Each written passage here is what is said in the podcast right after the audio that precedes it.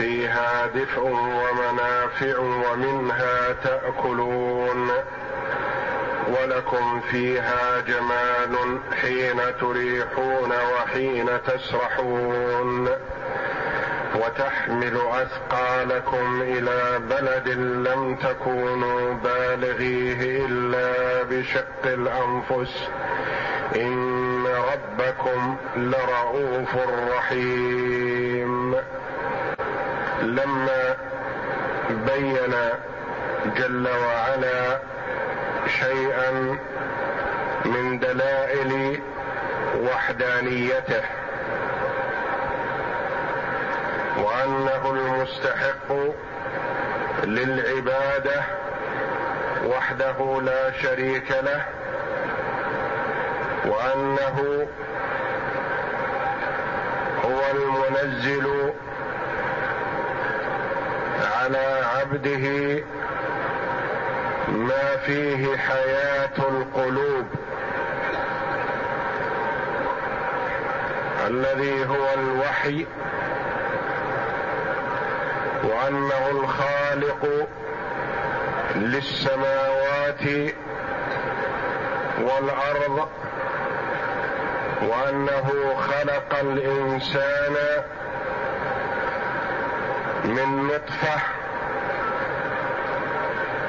ثم نقله من طور إلى طور حتى أصبح خصيم مبين. بين جل وعلا هنا شيئا من نعمه ومنته على هذا الإنسان بان خلق له ما حوله وما يحتاج إليه وما هو ضروري لبقائه. قال جل وعلا والأنعام خلقها لكم دفء خلقها لكم فيها دفء ومنافع. والأنعام خلقها لكم. فيمتن جل وعلا على عباده بأن خلق لهم الأنعام. والأنعام الإبل والبقر والغنم. يطلق على هذه الثلاثة بهيمة الأنعام. وتطلق النعم على الإبل. ولا تطلق على الغنم وحدها. يقول عليه الصلاة والسلام لأن يهدي الله بك رجلا واحدا خير لك من حمر النعم التي هي الإبل العظيمة الجميلة.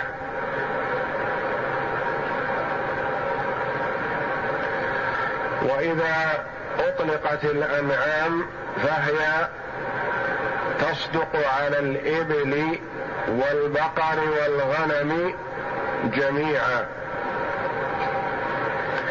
خلقها لكم أي خلقها من أجلكم ولمصلحتكم ولتستفيدوا منها. خلقها لكم فيها دفء فيها دفء ما يتدفأ به. مما يلبس ويفترش ويتوقع ومنافع فيها الدر اللبن والدهن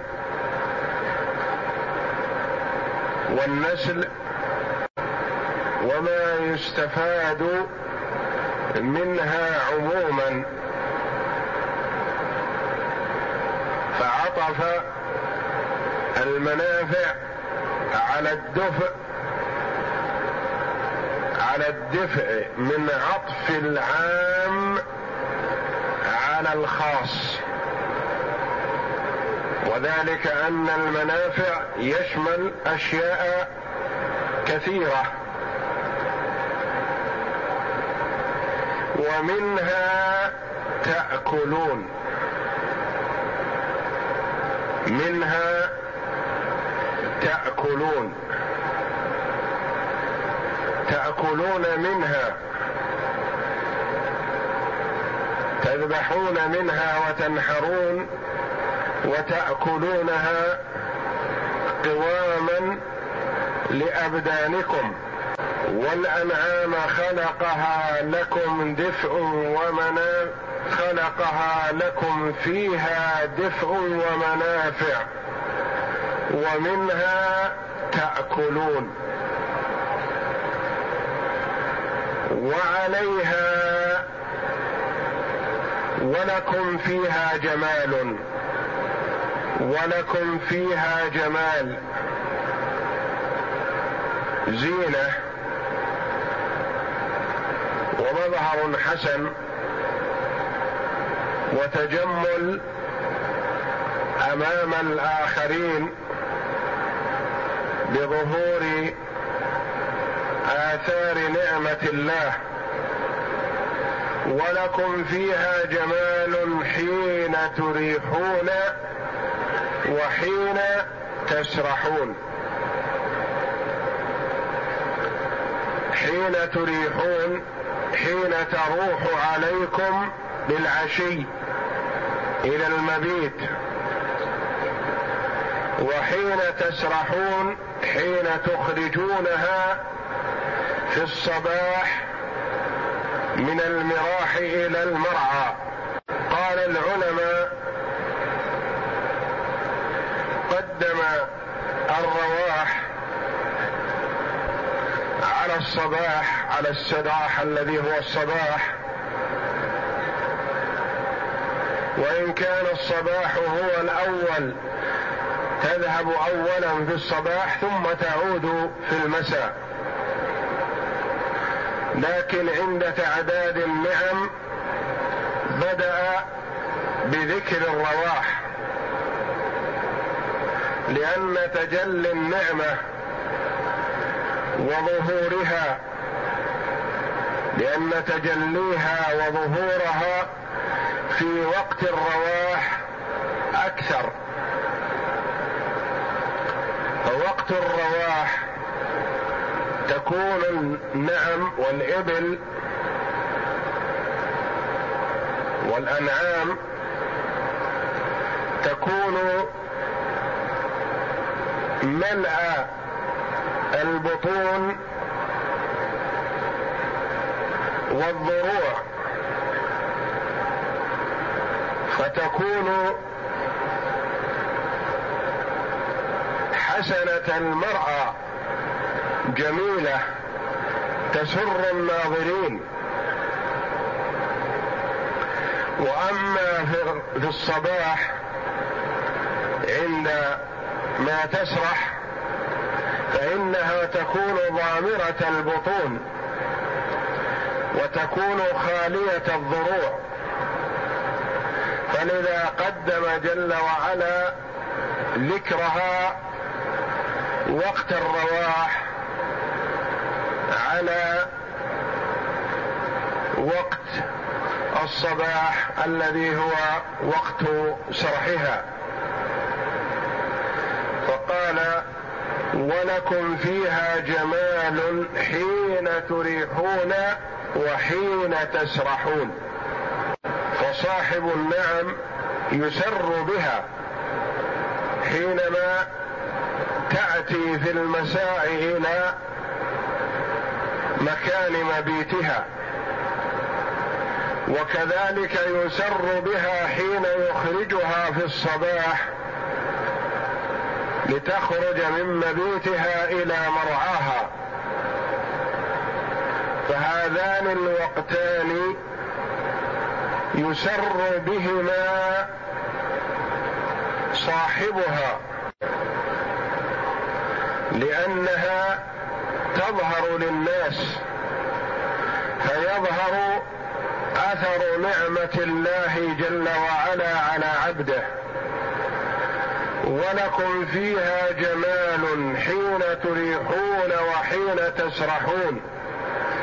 وتحمل أثقالكم ما يشق عليكم ويثقل عليكم حمله فإنها تحمله لكم وتحمل أثقالكم إلى بلد لم تكونوا بالغيه إلا بشق الأنفس. تحمل أثقالكم إلى بلد أي بلد تريدونه لا تستطيعون الوصول إليه لولا هذه النعم إلا بمشقة عظيمة. لكن هذه النعم تحملكم وتوصلكم إلى البلد الذي تريدونه بدون مشقة. وشق الأنفس الشق هو الشطر وقسم الشيء إلى قسمين. فكأن ما يشق على المرء يذهب نصفه. فلذا قال لم تكونوا بالغيه إلا بشق الأنفس. يعني الشيء المتعب والشاق على الإنسان يعبر عنه بشق الأنفس لأنه كأنه يخرج من المكان كاملا ولا يصل إلى المكان الآخر الذي يريده البعيد إلا بنصفه من مشقة الوصول إلى ذلك. لم تكونوا بالغيه إلا بشق الأنفس. إن ربكم لرؤوف رحيم. امتنان من الله جل وعلا على عباده. فلولا رحمته جل وعلا بهم ورأفته بهم لما تفضل عليهم بذلك. إن ربكم الذي خلقكم ورباكم وأوجدكم من العدم إلى الوجود بكم لرؤوف ذو رأفة رحيم رحيم بكم فهو جل وعلا أرحم بعباده من الوالدين بأولادهم ولذا من رحمته جل وعلا وصى الوالدين بأولادهم. ولا أرحم في المخلوقين من الوالدين بالأولاد ومع ذلك وصاهم جل وعلا بقوله يوصيكم الله في أولادكم للذكر مثل حظ الأنثيين. إن ربكم لرؤوف رحيم. ورؤوف ورحيم اسمان للباري جل وعلا. يدلان على اتصافه بصفة الرأفة والرحمة وهو جل وعلا موصوف بصفات الكمال منزه عن صفات النقص والعيب. وعلينا أن نثبت لله جل وعلا ما أثبته لنفسه في كتابه العزيز. أثبته له رسوله صلى الله عليه وسلم في سنته المطهرة. من غير تشبيه لا نشبه ربنا جل وعلا بخلقه ومن غير تكييف لا نكيف صفات ربنا جل وعلا وتنزيه بلا تعطيل. ننزه ربنا عن صفات المخلوقين ولا نعطله من صفاته التي وصف بها نفسه أو وصفه بها رسوله صلى الله عليه وسلم على حد قوله جل وعلا ليس كمثله شيء وهو السميع البصير. فمعنى الصفة معلوم. معنى رؤوف معلوم. ومعنى رحيم معلوم. ولا نكيف ولا نشبه. لا نسأل عن الكيف في صفات ربنا لأننا لا ندرك ذلك. ولا نشبه صفات ربنا بصفات خلقه ولا نعطل ربنا من صفاته. ومذهب أهل السنة والجماعة إثبات الصفات إثباتا بلا تمثيل وتنزيها بلا تعطيل. وقد ظل في هذا طائفتان. طائفة شبهت صفات الباري بصفات خلقه. تعالى الله. فظلت على الصراط المستقيم. وطائفة غلت في التنزيه فعطلت الله من صفاته فضلت عن الصراط المستقيم. وأهل السنة والجماعة وسط بين الطائفتين. أثبتوا إثباتا بلا تمثيل. ونزهوا نزه الله عن صفات خلقه تنزيها بلا تعطيل على حد قوله جل وعلا ليس كمثله شيء وهو السميع البصير. والإثبات توقيفي نثبت لربنا ما أثبته لنفسه أو أثبته له رسوله صلى الله عليه وسلم. والنفي إجمالا ننفي عن ربنا جل وعلا جميع صفات النقص والعيب ليس كمثله شيء ليس كمثله شيء. ينفى عن الله جل وعلا جميع صفات النقص والعيب. ونثبت لربنا ما أثبته لنفسه أو أثبته له رسوله صلى الله عليه وسلم وهو السميع البصير. والله أعلم.